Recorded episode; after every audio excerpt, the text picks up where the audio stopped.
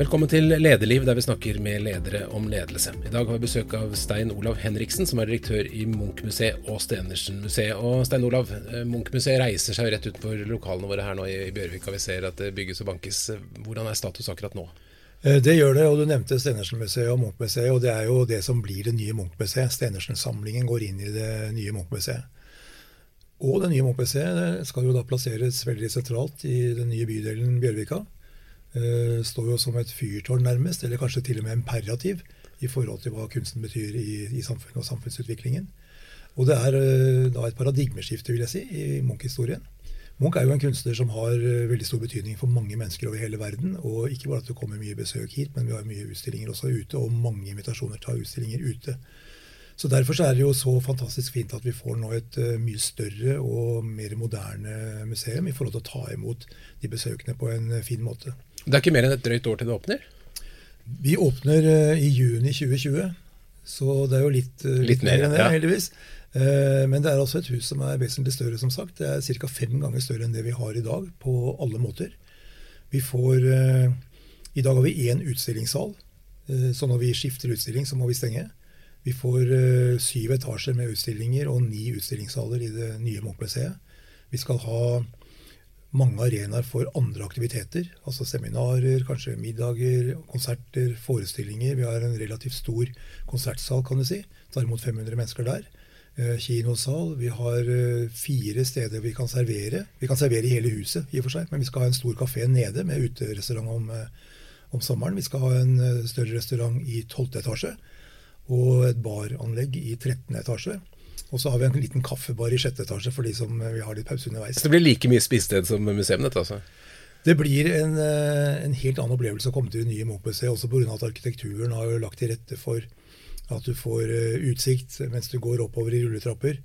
Et såkalt dynamisk eh, rom. Så du ser jo da fra det historiske Oslo nederst til du kommer lenger opp og ser hele sentrum, og du ser åsene bak, og du ser fjellene bak der igjen, og nedover Oslofjorden osv. Så, så utsikten er jo en av de tingene. Eh, vi kan se Oslo fra 13. etasje liksom litt utenifra for første gang.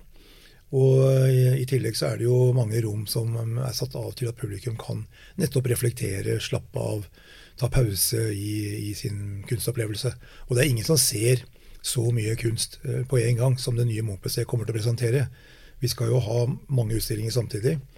Eh, sånn internasjonal forskning sier at det er ca. 1000 kvadratmeter. og Det er jo litt sånn uh, rart tall, kanskje, men, men, da begynner folk å bli slitne og vil ha litt pause. Og vi har 4500 kvadratmeter uh, utstillingsflate. Og det er nesten ti ganger mer veggflate enn vi har i dag. Så vi kommer til å vise fryktelig mye mer av Munch-utstillingen. Nei, av Munch-samlingen. Mm -hmm. Så kommer vi til å ha uh, i tråd med Stenersen-museets si, posisjon og aktivitet i norsk kunstliv, en solid, internasjonalt rettet også, samtidskunstprogram. Og så kommer vi til å ha såkalt blockbuster, da, som er eh, type utstilling vi har gjort i det siste med van Gogh, eller det kan være Monet, Picasso og andre store kunstnere som vi kan få til Oslo. Eh, eller temautstillinger, for den saks skyld. Eh, surrealisme, symbolisme, den type ting med verk vi kan få fra hele verden, fordi vi kan bytte til oss uh, utstillinger og kunstverk med vår Munch-samling. Ja, Alle vil ha den. Ja, ikke sant? Så når du kommer og sier kan dere låne litt Munch av oss, og vil låne det av dere, så går det ganske greit? Ja, når vi går ned til uh, noen av de store, viktige museene i, i Sentral-Europa eller i USA og sier at uh, kan dere tenke dere Altså vi kommer til å ha en utstilling XXX i det nye Munch-museet, vi har lyst til å låne fra dere, til gjengjeld så kan dere låne fra oss. Så er det åpne dører faktisk overalt. Jeg har ikke møtt en eneste lukket dør når du kommer på vegne av Edvard Munch. Men for Alle nordmenn er veldig stolte av Munch og oppfatter at han er en stor kunstner. Men hvor, kan du, det beskrive hvor, er, hvor, stor er Munch sånn globalt?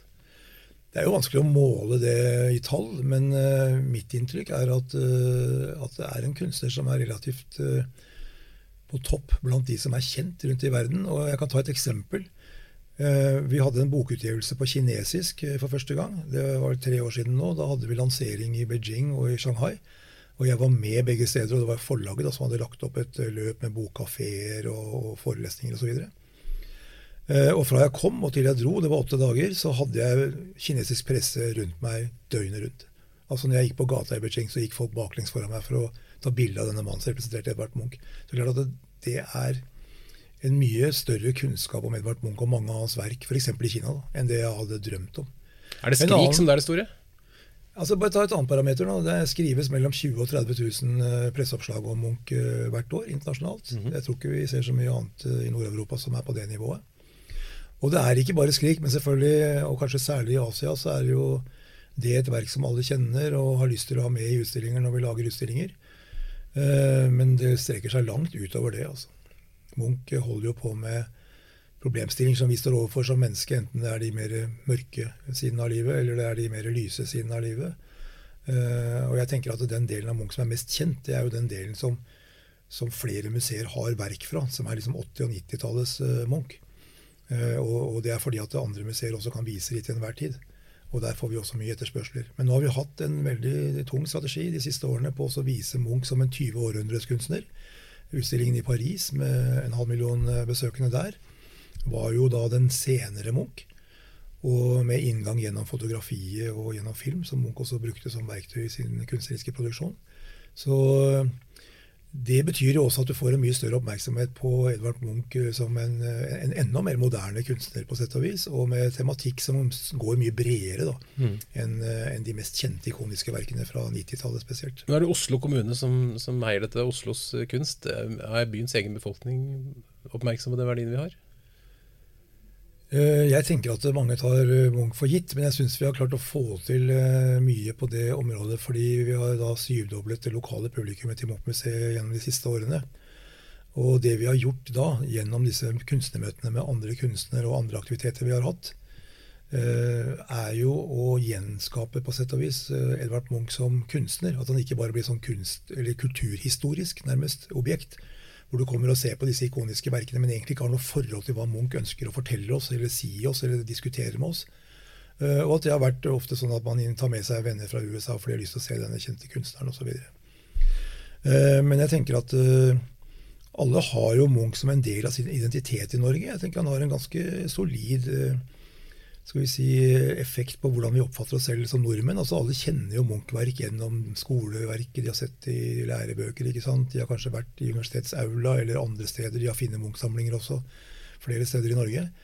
Så jeg tror det at eh, Munch er en solid del av vår identitet, og kanskje også en litt annen del av identiteten enn den romantikken, som jo også har tunge billedkunstnere, men som også har mye musikk, eh, mye andre typer kunstuttrykk vi har fra romantikken. og vi har ofte sett på oss selv litt i det perspektivet. Men jeg tror Munch representerer jo da kanskje mer det mer individuelle, men også eh, det mer moderne og, og, kanskje til og med det mer urbane, for den saks skyld. Nå investeres det jo enormt i kultur her i Oslo. Altså, du har eh, museet ditt, og så har du operaen rett ved siden av. Det kommer svært Deichman, og så får vi Nasjonalmuseum eh, litt lenger borti ved kysten her.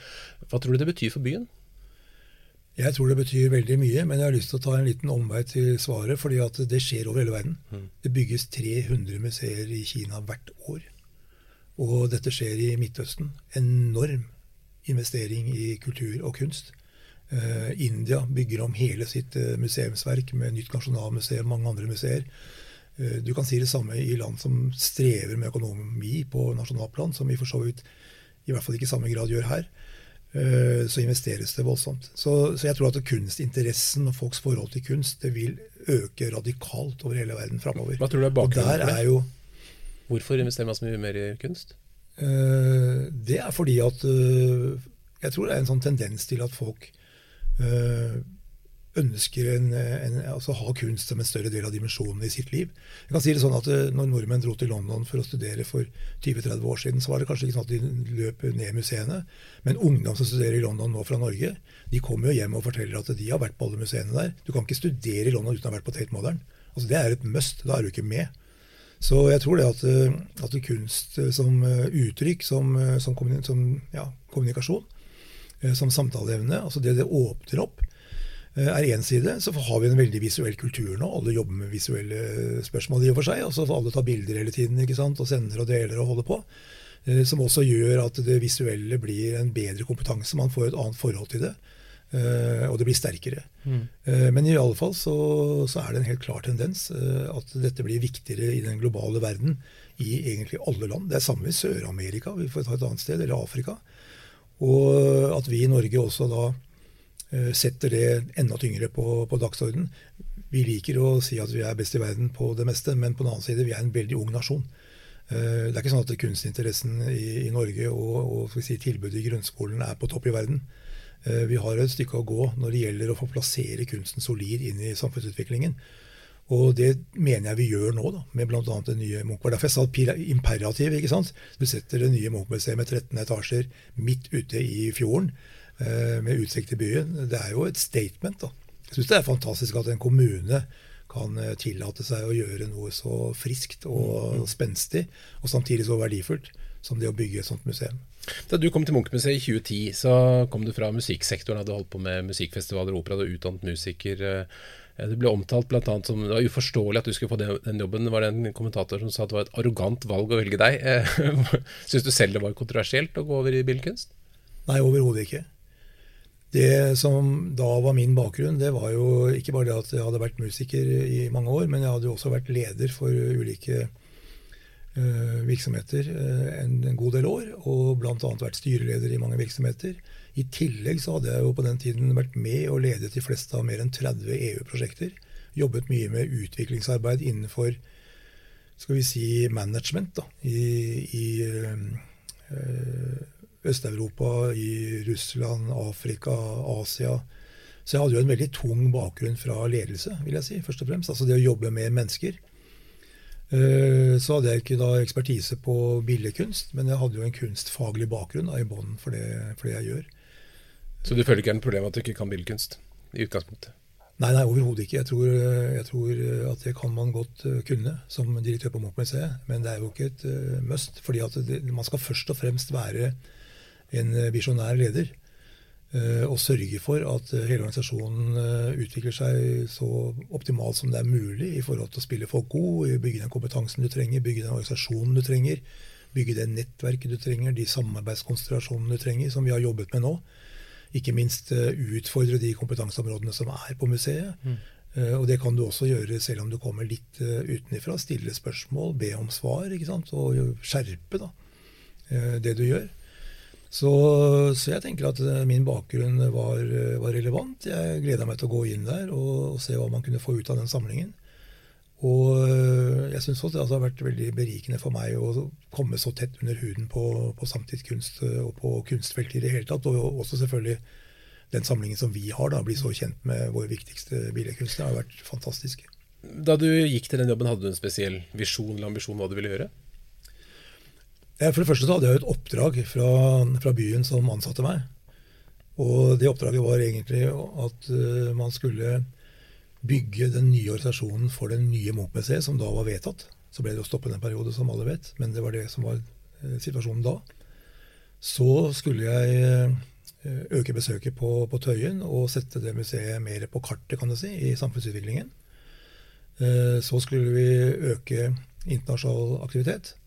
Så det var vel de tre liksom, hovedområdene. Og så lå det da også i Eh, menyen at man skulle gjennomføre et eh, jubileum eh, to-tre år etterpå. Så det var jo også en stor oppgave i og for seg, for det måtte man jo bygge fra, fra bånnen av som et prosjekt da, og prøve å få med hele verden på en feiring av 150 år mm. siden Munch ble født. Så, så, det var oppdraget. Men når det er sagt, så tenker jeg det at en av de tingene jeg tenkte var veldig spennende, det var å se på potensialet i samlingen. Mm. Og ikke tenke først og fremst at nå skal vi eh, drive et museum eh, i Oslo. og Vi skal bygge et nytt museum i Oslo, og det er på en måte det det handler om. Museene er jo bare verktøy. Det er jo samlingen som er viktig. Uh, og det var grunnen til at jeg også tenkte at her, her, er det veldig spennende muligheter i forhold til hva jeg har jobbet med rundt omkring i verden. Fordi at når jeg har jobbet med EU-prosjekter og, og, og, utviklingsprosjekter, så har jeg jo sett og jobbet sammen med veldig mange fra billedkunstfeltet. Det ble jo sagt også at jeg hadde ikke nettverk innenfor billedkunst. Det var helt feil, faktisk. For jeg hadde jo mm. mange kolleger innenfor billedkunst i de ulike prosjektene. Jeg jobba mye med EUs kulturpolitikk også. Det er klart at der var billedkunsten viktig. Eh, slik at det å og da se på potensialet i, samlingen og se hvordan kan vi eh, realisere det. Sørge for at Edvard Munch er tilgjengelig. Eh, at hans posisjon og, og hans eh, rolle da, i det internasjonale kunstlivet og kunstfeltet uh, opprettholdes og, og, styrkes. Altså den type spørsmål mm -hmm. var jeg opptatt av. Og det utkrystalliserte jo da at vi, må, vi, vi, oppdaget at vi må gjøre noe med det lokale publikummet. De kommer ikke hit. Uh, Van Gogh-museet hadde sitt lokale publikum på besøk hvert tre og et halvt år i snitt. Og på Munch-museet når jeg kom, så var det hvert 35. år i snitt. Så det var jo uh, sense of urgency. Vi må gjøre noe med det. Vi må være relevant lokalt. Vi kan ikke bare være relevant uh, andre steder. Men samtidig så var det det å styrke den internasjonale aktiviteten og komme til steder hvor Munch kanskje ikke har vært før. Men også øke da egeninntjeningen for å få mer handlingsrom. Så det handlet jo om å styrke kafé, styrke butikk, styrke inntekter på utlån, på utstillinger ute. Lage de sjøl istedenfor at andre lagde de.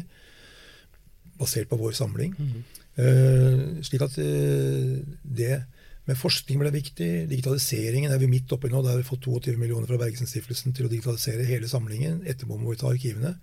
Det er uhyre viktig for å være tilgjengelig over hele verden. Uh, slik at uh, samlingen ble på en måte inspirasjonen først og fremst for meg. Men det var klart det var veldig gøy å komme inn i et sånt byggeprosjekt mm. og være med å forme den nye organisasjonen. Men Gikk du den oppgaven med en spesiell sånn lederfilosofi? Hvordan du ville være som leder? Ja, i større eller mindre grad uh, bevisst, kan du si. jeg har jo alltid hatt lyst til å være den som er med og utvikler ting. Altså Jeg er jo ikke en drifter, først og fremst. Eh, så det, det, med å si at du får noen oppgaver fra politikere eller fra et embetsverk, og si at nå skal jeg gjennomføre det som andre har bestemt, ja, det gjør vi. Eh, og det skal jeg. Men i tillegg så mener jeg at du må gå langt utover det som leder.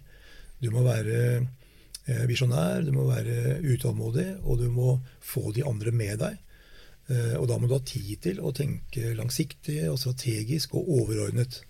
Og jeg tenker at Det er det som inspirerer de andre også. Eh, og i det så ligger det jo at man vil mye mer, og man ønsker å få til mye mer enn det som implisitt kan du si, er forventet da, av det mm, oppdraget mm, man mm. går inn og påtar seg. Og Det har vært viktig for meg hele tiden. Og jeg tenker at eh, for eh, mine medarbeidere så er nok det at man har vilje selv, og at man er med å drive fram eh, ting. Men selvfølgelig i forhold til å ha med seg andre, lytte til andre, være smidig, se hva som er mulig. Eh, men ikke la seg stoppe. Jeg tror også det med stamina er eh, veldig viktig. Altså det er veldig mye motstand i dette samfunnet, på alle plan. Det er lett å la være å gjøre ting. Det er lett å ta hensyn til mange faktorer og mange rammer og mange skal vi si, si, lover og regler som, som kan ligge i veien. Uh, og jeg liker jo på en måte å bruke det bildet av at jeg spør ikke jurister uh, hva jeg kan gjøre, men hvordan jeg gjør det. Mm. Uh, og det ligger noe i det med, med, alt det vi gjør. altså det er Hva skal til for å kunne gjøre dette? Dette er viktig, dette må vi gjøre. Hva skal til? Men Hvordan tror du dine ledere, eller hvordan vil du at dine medarbeidere skal oppleve deg? Jeg vil at de skal oppleve at de har et veldig stor grad av frihet. At de har vært med på viktige diskusjoner, legger hovedføringene for hvor vi er, hvor vi skal hen og hvordan vi kommer dit. At vi i grove trekk er enige om det at det er et kollegie som, eh, som, da består av en ledelse som jobber godt sammen. Eh, I den forstand at de har også lyttet til hverandre, kjenner hverandres eh, interesser og utfordringer og, og ønsker og behov. Og at de, de, ser på meg som en som vil være 100% støttende og lyttende, men som også vil stille helt klare forventninger og krav. Følge opp de og være opptatt av hva hver enkelt skal vi si, Hvordan de har det, hva de skaper, hvilke utfordringer de har. Og, og se hva de ulike medarbeiderne får til. Mm. Både mellomledere og, og, selvfølgelig alle de andre medarbeiderne. Så det er vel ikke bare bare når du kommer og sier for eksempel, her skal vi øke inntjeningen? Det er jo ikke det som vanligvis er fokus i kulturinstitusjoner? Nei, så du kan si du har noen sånne prinsipielle spørsmål som du må, må ta opp. Det er et eh, interessant eksempel på det, for så vidt. For at eh, man kan si at vi skal øke inntjeningen eh, på museet. Og så kan man tenke at nå skal, og det var jo også faktisk på Dagsnytt 18, tror jeg det var, og, og til og med Dagsrevyen har snakket om hvorfor denne beskyldningen om at jeg skulle trivialisere, kommersialisere, banalisere egentlig hele denne Munch-samlingen. Det var ikke det jeg holdt på med. Men jeg snudde det på hodet og sa at hvordan skal vi bli mer relevant? Hvorfor skal det være interessant å være samarbeidspartner med Munch-museet, slik at du kommer hit med alle vennene dine, alle medarbeiderne dine, uh, og skaper aktivitet sammen med oss? Hvordan skal det være relevant for publikum? Hvordan skal det være relevant for barna, slik at ikke bare de med kulturelle skolesekken kommer inn, som, som, på en måte er programmert inn, men alle de andre også. Så hvis det er relevant, ja, da øker du egeninntjeningen. Mm. Da øker du økonomien. Da kommer folk. ikke sant? Da legger de igjen billettpenger, da bruker de penger i kafeen, bruker de i butikken. Og så må vi passe på at vi har en god kafé, at vi har gode produkter i butikken, at vi har gode utstillinger, relevante utstillinger, at det er mulig å komme inn uh, greit. Uh, men det er klart at uh, dette med å øke egeninntjeningen er et bilde på at du lykkes med å være viktig for folk. Mm. Og hvis du, hvis du, ikke er viktig for folk, så må du virkelig sette deg ned og tenke igjennom om hvorfor du er der. Du har vært leder i veldig mange år nå. Er det noen spesiell opplevelse eller hendelse som har formet deg som leder og formet ditt syn på god ledelse? Ja, Jeg kan komme litt tilbake til liksom grunnlaget for min egen inspirasjon. Jeg var jo musiker som kjent og spilte klarinett uh, og saksofon og gikk på det som nå er uh, høyskolen, da, som den gangen var et privat konservatorium. Og så studerte jeg etterpå i Chicago og møtte Benny Goodman, som er en veldig kjent jazzmusiker og, og klarinettist. ikke sant? For jeg var jo da mye med Chicago Symfoniorkester mens jeg var der, og han hadde en konsert med de. Så tok jeg med en, en plate. Det er mange som ikke vet at Benny Goodman også spilte klassisk musikk. Uh, det var det eneste jeg fikk tak i, en sånn LP-plate. Og så gikk jeg bort til han og hilste på han selvfølgelig. Og så spurte jeg om han ville signere denne platen, og så sier han ja, men det gjør jeg mer enn gjerne. Og så sier han, uh, da Det var rett før han døde, han var jo 80 år. Uh, hva heter du? Jo, jeg heter Stein. Så skriver han To my dear friend Stein, be awake. Benny Gubben.» Jeg tenker det er ganske fint å si til en ung student vær våken. For det handler jo også om å se muligheter. Det handler om å se mennesker og muligheter, og, og hva som dukker opp av eh, skal si, repertoar da, i omgivelsene. Så, så, det er én ting som jeg tenker jeg har vært veldig åpen for hele veien. Å prøve å lytte til hva som er der ute, ikke bare internt på Munch-museet, men også alt det som kommer inn av innspill utenifra og muligheter utenifra. Mm. Og også inspirere mine medarbeidere til at det, det er ikke bare jeg som skal være internasjonal, eller jeg som skal være der ute og representere oss. Det, det skal i prinsippet alle være. Så jeg vil at alle skal ut og, og treffe andre. Jobbe med nettverk, jobbe med kolleger andre steder.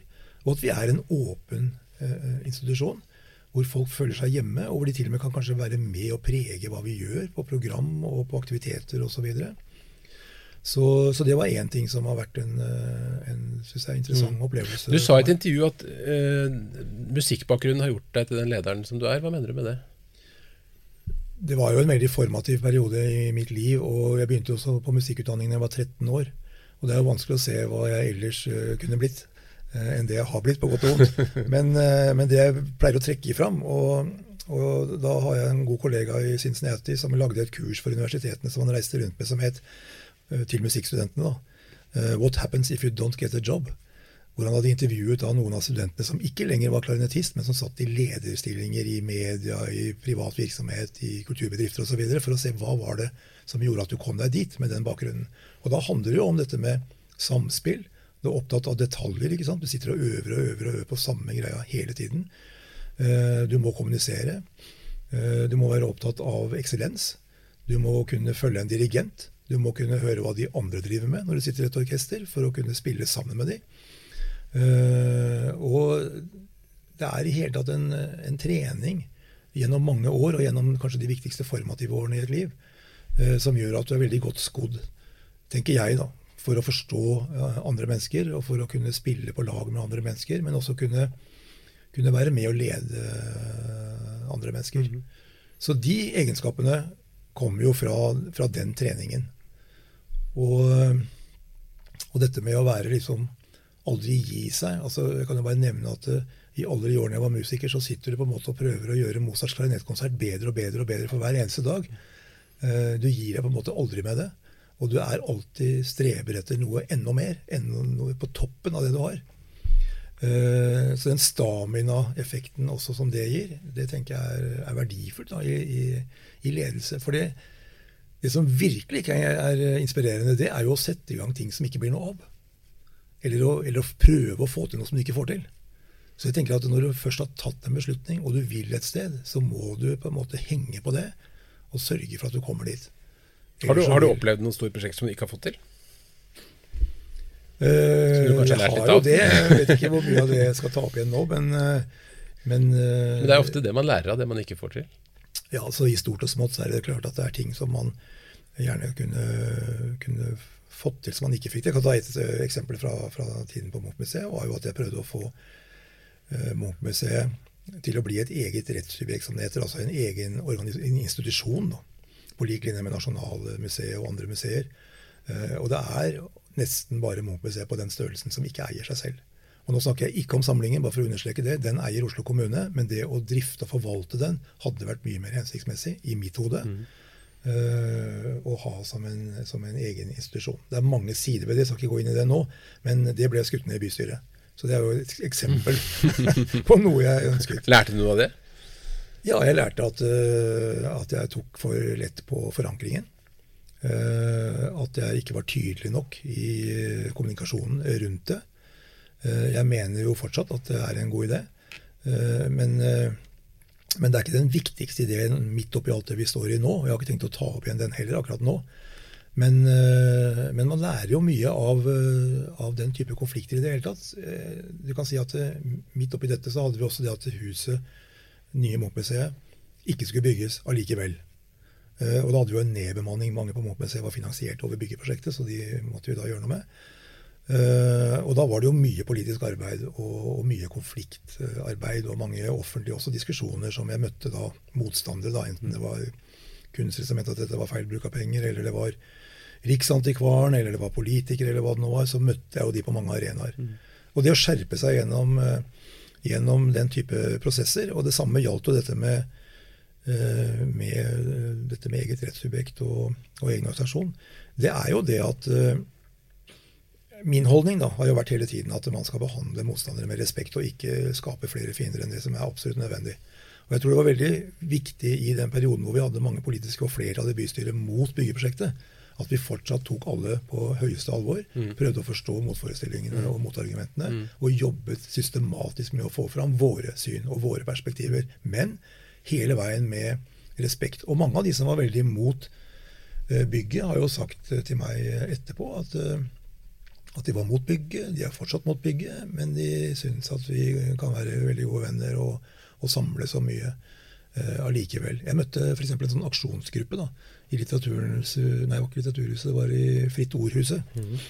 Og de var vel kanskje 100 mennesker. Og alle de hadde møtt opp for å, for å ta denne direktøren på MOPC som mente at dette skulle vi bygge. Og, og, og, min holdning til det var jo at uh, først så snakker vi om det vi er enige om. Munch er viktig. Mm. Alle her er engasjert i Munch. Så vi kan begynne med det. Dette er jo en veldig enkel metode, for så vidt, og det var ikke min metode for så vidt heller. Det viktigste var jo å si til de at det dere representerer av energi og engasjement og, og i hele tatt aktivitet, det er utrolig verdifullt. Selv om vi ikke er enige om akkurat det vi snakker om når det gjelder å bygge nytt museum. Eller om det må ligge på Tøyen eller i Bjørvika, eller, eller, om det skal være vertikalt eller horisontalt. eller hva Det er, ikke sant? Det var jo mange forskjellige typer innvendinger. Så, så det er også en sånn lærdom fra sånne prosesser at det, eh, langsiktige perspektivet er alltid det viktigste. Hvor du vil hen, å jobbe langsiktig og målrettet med det langsiktige perspektivet, det er alltid det viktigste. Og som leder så tenker jeg at eh, mens alle jobber kanskje operativt mer eller mindre, jeg slipper jo det uh, i stor grad, og kan bruke min energi på å jobbe langsiktig, strategisk, både internt og eksternt. Og det er med og inspirerer de interne diskusjonene også. At man tenker at det Munch er ikke bare viktig for de som bor i Oslo, eller de som er på Tøyen, eller de som er besøker Munch-museet, men denne samlingen og det vi holder på med, og spesielt når vi får et nytt Munch-museum, det har betydning for hele verden. Altså Det er en global effekt. Mm.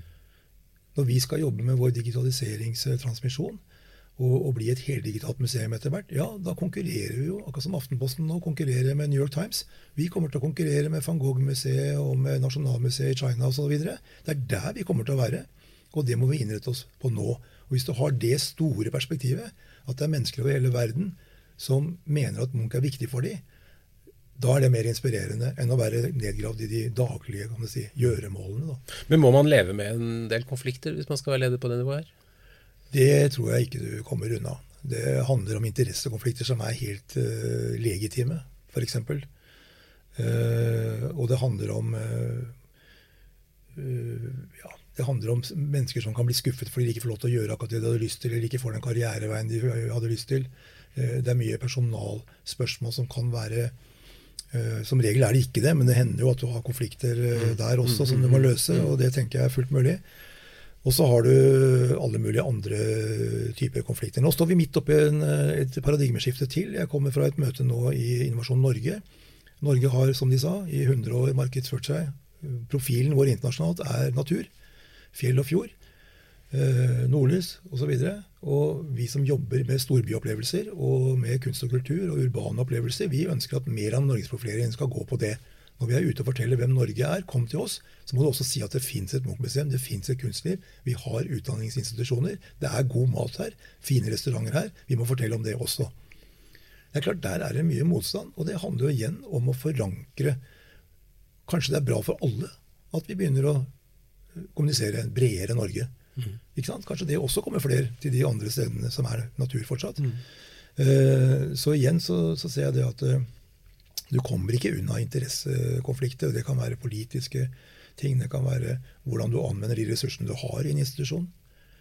Uh, du nevnte kommunikasjon et par ganger. Hvor viktig er kommunikasjonsegenskaper, synes du, som leder? Det er, syns jeg, uhyre viktig. Eh, og det handler om eh, selvfølgelig å være kommunikativ, være åpen, være ærlig. Fortelle om hva du tenker. Folk vet hvor du har deg hen. De kan være uenige, men de vet i hvert fall hvor du står, så du er tydelig og ærlig med det du mener. Eh, så det handler om å ha et, et budskap. Så handler det om å være aktiv på det. Vi har jo vært veldig opptatt av å være tydelige og synes i, i norsk media, eller i det offentlige rom i det hele tatt. Og så tenker jeg at, eh, at, det også handler om psykologi. Det handler om å forstå hvem du snakker til, og, og hva det er som kan være si, fellesområder, og hva det er man må jobbe videre med.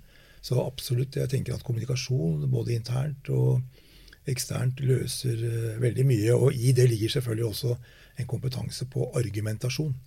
Altså hva er det som kan få til endring? Eh, hva er det folk eh, vil være opptatt av, og hvordan skal du få dem med deg? Mm. Så det er litt av det samme der. Så kommunikasjon, psykologi, men at du også da har et budskap som du tror på, har ryggdekning på, og som du har folk med deg på, det er, det er uhyre viktig. Men det å drive gjennom et så stort prosjekt og med masse små og store konflikter på mange hold, det, hva gjør det med deg? Tar det mye energi? Det tar ikke mye energi. altså Jeg får energi av uh, konflikter. Det høres kanskje banalt ut, da, men jeg liker på en måte å stå litt i stormen og bli utfordra og, og, måtte liksom være skjerpet og tenke igjennom uh, hva er det i substans i motforestillingen her, sånn, hva er det jeg må ta hensyn til? Uh, hva er det jeg har som er verdifullt, og som jeg kan bringe inn? men hele den der energien, både i det offentlige rom, i media, men også enten det er internt eller i andre sammenhenger, uh, trigger meg veldig. Uh, jeg kan jo ha tendens til å kjede meg litt hvis, uh, hvis, ting blir repetitive. altså Hvis det er det samme du gjør hver dag, og du skal bare sørge for at dette drives videre. da er jeg ikke egentlig helt i mitt ess. Da, da, må jeg på en måte tenke litt videre. Du, du, har flere ganger nevnt at du må tenke. og tenke, Mange ledere er veldig opptatt av å gjøre mye. Tenke, setter du av tid til å tenke? Absolutt. Jeg mener altså ledere Eh, hvis jeg skal gi råd, eh, som han jo skal være forsiktig med, eh, men i hvert fall råd til meg selv, er at du skal ha tid til å reflektere, tenke over det langsiktige, det strategiske. Hva er egentlig formålet? Hva er egentlig altså konsekvensen av det du skal oppnå? Så når jeg var i Bergen, i de lederjobbene jeg hadde der, sånn, så satte jeg en dag i uka og gikk over fløyen eller gikk på fjellet for å ha det rommet. Det dukker opp så mye. Du løser så mange problemer som du ikke løser i møter eller i, i dialog. Uh, som du kan løse når du får, får tenkt Men Hva tenker de ansatte da når de skal liksom ha tak i deg og spørre om et eller annet? Nei, han er ute og gått på tur i dag. Hvordan, hvordan er reaksjonen på det? Nei, jeg tenker at uh, Dette er det ikke bare jeg som, uh, som kan ha glede av. Jeg tenker at alle som jobber med problemstillinger eller ledelse Vi har jo veldig mange folk hos oss som jobber med kreative spørsmål som, som, alt, som ikke handler om tid, men om, som handler om resultat. Eh, og hva du faktisk kommer fram til. Da. Eh, så det er jo ikke noe som jeg pålegger bare meg selv. Men samtidig så, så var det veldig mye spørsmål i begynnelsen jeg var på Munch-museet. Hvorfor er ikke Stein på kontoret? Og jeg hadde jo til og med ledere i rådhuset som sa du skal være på kontoret, din arbeidstid er å sitte på den pulten. Så kan folk komme til deg og få beskjed om alt de skal gjøre. Og det var jo en organisasjon som var sånn at lederen bestemte alt. Det var ingen prosess for beslutninger, for uh, saksutredninger. Eh, formelle med altså da saksframstilling, eh, beslutning, referat osv. Så, videre. så det måtte vi bygge helt fra, fra bånn av. Uh, og Da var man jo vant til å ha en leder da, som gikk rundt i korridorene hele tiden. Det var ikke jeg. Jeg var jo ute Og jeg tenker at det å endre en organisasjon, som vi gjorde ganske radikalt på Munchmuseet, det handla veldig mye om å være ute. Ta et uh, enkelt eksempel på det. Når vi hadde våre strategiprosesser i begynnelsen to ganger på Munchmuseet, så hadde vi like mange eksterne med i prosessene som interne. Fordi at når de eksterne kom inn, og det var toppledere fra kultur, fra næringsliv, fra reiseliv, fra høyere utdanning, det var barn, det var uh, videregående folk uh, osv. Det de brakte inn, var jo en begeistring. Så gøy å være med på dette her. Strategi for det nye Munch-museet. Den samlingen. Jøss, dette er gøy. Mens de andre var jo vant til det. Tok det litt sånn for gitt. Og nå må vi flytte, og det kommer mye folk og sånn. og De hadde kanskje ikke helt den der gnisten. da. Pluss at vi fikk masse innspill utenfra, ikke minst fra barna, som kom inn med masse verdifulle ting eh, til oss eh, i de prosessene. Så jeg tenker at veldig mye av eh, interne endringer foregår faktisk ikke internt. Det foregår i møte med omverdenen. Så når vi begynte å invitere alle, Vi har 100 formelle samarbeidspartnere nå på Munch-museet. Og når de kommer og bruker vårt museum, når våre medarbeidere ikke bare møter kolleger, men alle de til enhver tid må være der, må agere mot andre miljøer, ta imot uh, gjester på Munch-museet, eller samarbeidspartnere på Munch-museet, så gjør det veldig mye med organisasjonen, med arbeidsmiljøet for den saks skyld. Og det skaper masse muligheter og inspirasjon uh, og kompetanseutvikling. Og vi får masse ideer på den måten. Så, så, jeg tenker at hvis man setter seg ned og lukker dørene og sier at nå skal jeg gjøre intern organisasjonsutvikling, og når jeg er ferdig med den, da skal jeg gå ut, det er feil. Tenker jeg, da. Det er min filosofi. Du gjør det mye der ute. For det, det ytre påvirker veldig det du gjør internt. Og det å få opp en positiv energi ute, det å få opp en dynamikk ute, et engasjement for det du gjør internt, utenfra, det påvirker nesten mer uh, enn det du klarer å, å, å skape innenfra. Mm. Nå har jeg lest at du driver med yoga, du er god til å lese bøker, du liker å gå i fjell. og Samtidig så har du sikkert et voldsomt press av folk som vil ha møte med deg og mailer. alt mulig. Hvordan klarer du liksom å rydde tid til all den egentiden? tiden? for det første så har jeg en helt fantastisk eh, ledergruppe som tar et uh, solid ansvar for uh, Og som er dyktige fagfolk, men, uh, men, som også er gode ledere. Og vi har drevet også lederutvikling. Jeg mener Både jeg og alle mine ledere kan bli bedre, så vi driver jo hele tiden kontinuerlig lederutvikling med eksterne også bidragsytere. Se hvordan ledergruppa kan jobbe bedre, hvordan hver enkelt leder kan jobbe bedre med sin personalutvikling, kompetanseutvikling osv. Så, så, så jeg har veldig gode mellomledere. Jeg bruker mye tid på rekruttering.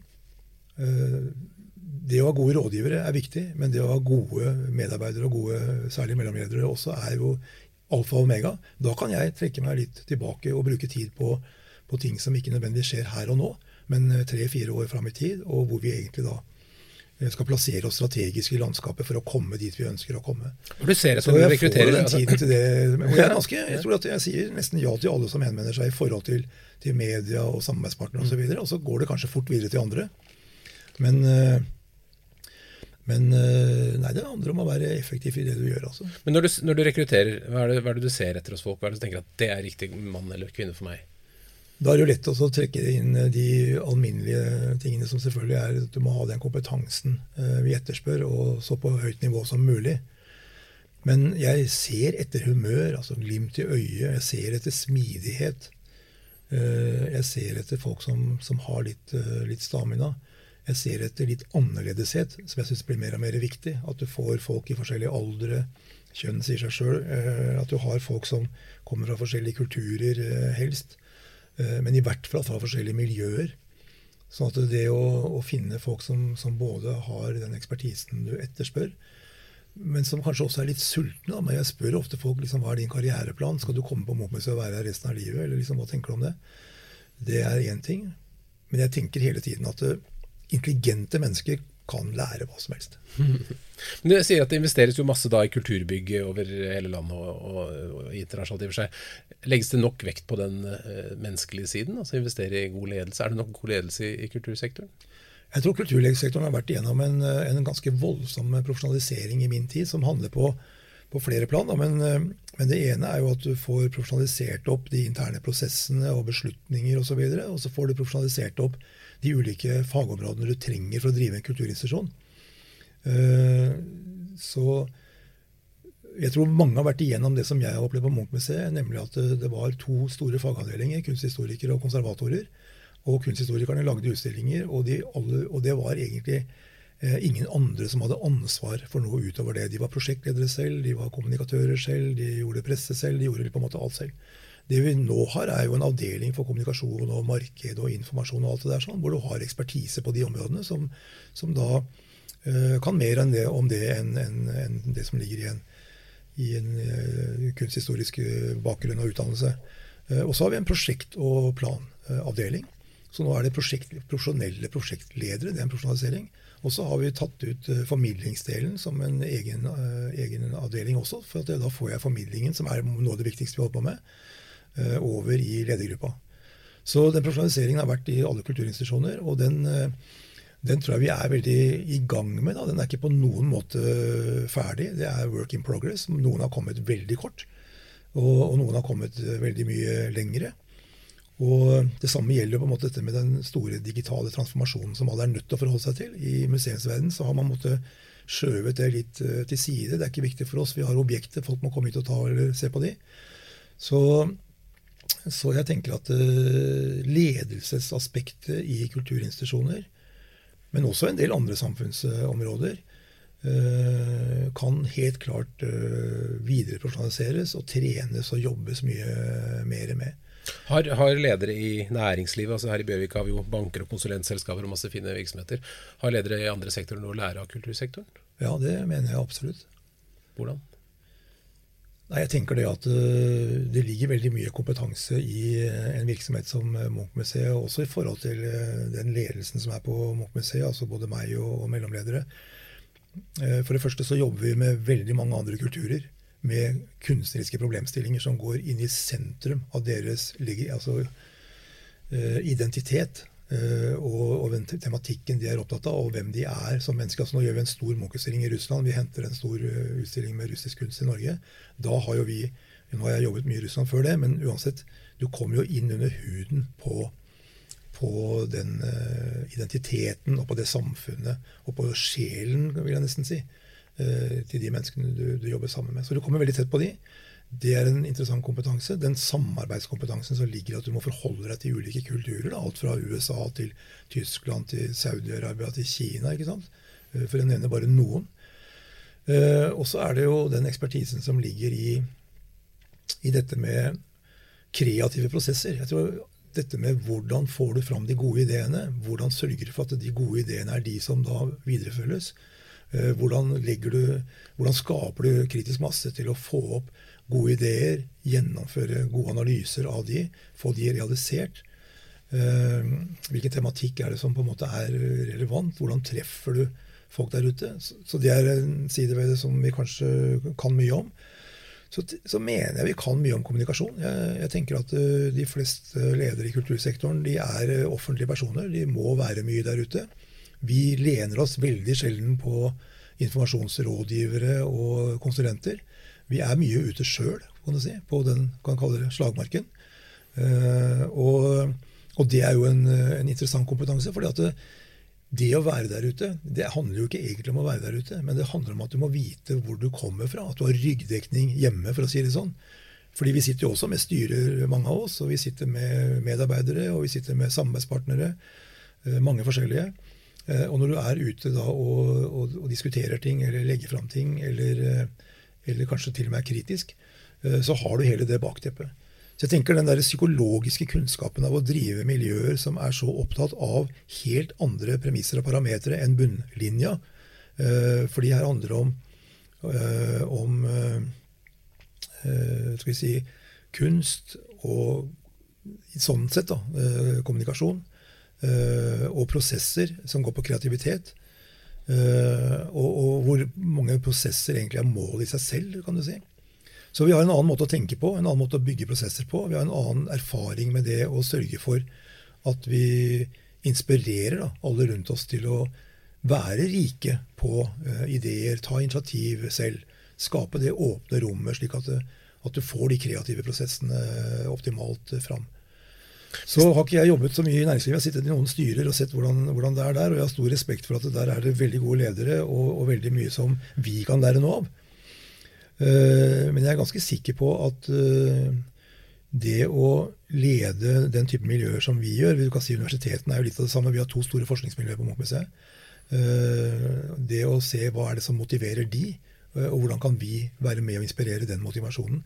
Altså Det er mange ting som ligger her som jeg tror er veldig overførbart til, til næringslivet. Og vi har jo sett sånn som i Japan, hvor veldig mange tidligere i hvert fall, og kanskje også i dag, har med kunstnere og kulturledere i styrene sine. For å nettopp ha den, det andre litt blikket på, på, på ting enn det du har, kanskje får med deg fra, fra jus og økonomi og, og ledelsesutdanningen. Hvis det kommer en ung person til deg, kanskje et av dine barn, og sier 'jeg har lyst til å bli leder', hvilke tre gode råd vil du gi meg for å bli en god leder? Hva skulle det være? Eh, jeg tror at eh, altså den, den menneskelige innsikten, eh, kan godt kalle det for psykologi, den får du veldig mye gjennom å lese bøker. Altså, du må være nysgjerrig, du må ut og lese. Du må ut og oppleve kunst og kultur. Jeg tenker at kunst og kultur er veldig berikende. Det er klart at jeg er jo betalt for å si det. Men samtidig så mener jeg faktisk at uh, psykologi og menneskekunnskap er veldig viktig for en, for en, leder. Og så er det jo dette med å, å kunne trene på da, å spille andre gode. Altså gi andre rom. Lytte til andre. Se hvordan, hva kan jeg bidra med. Og, og, da er det veldig lett å si at dette har jeg skapt, dette er min ære, jeg vil gjerne ha kreditt for det. Uh, men kanskje det er enda viktigere å tenke at det, det, den andre skapte som jeg var med og bidra til, er enda viktigere for meg. Får du ikke så mye anerkjennelse for det i samfunnet nødvendigvis, uh, men det er i hvert fall en god lederegenskap, tenker jeg. Og så tenker jeg det at man må ville noe. Helt til slutt, eh, i 2020 når museet er ferdig, hvis jeg da går og besøker og bruker kanskje noen timer der inne, hva skal jeg føle når jeg kommer ut fra Munch-museet? Nå er det jo lett å si hvis jeg hadde vært markedsavdelingen, kom tilbake igjen, ikke sant? jeg må tilbake igjen så fort som mulig. Eh, jeg håper at eh, i møte med Munch så blir folk litt mer kjent med seg selv, og at de reflekterer litt over den følelsen av at uh, dette er ikke noe jeg aleine har, eller strever med, eller uh, tenker på. Uh, dette er noe universelt. Dette er noe som tilhører mennesket, og disse utfordringene har vi. og, og de må vi forholde oss til. Så jeg tenker at uh, jeg opplever at folk blir mer kjent med seg selv i møte med Edvard Munchs kunst. Og det at man vet at møtet med kunst er dialog og ikke monolog, og at man reflekterer over opplevelsen etterpå, det er det jeg håper man sitter igjen med etterpå, og det er det vi prøver å få til. Stein Olav Henriksen, tusen takk for at du kom til Lederliv. Tusen takk for meg. Jeg skal avslutte med å si at Lederliv lages av Apeland. Det er Ellen Paulsen, Lars Jarle Melum og meg, Ole Kristian Apeland. Takk for at du har lyttet til Lederliv, en podkast produsert av Apeland. Trykk abonner, så får du et varsel neste gang det kommer en episode.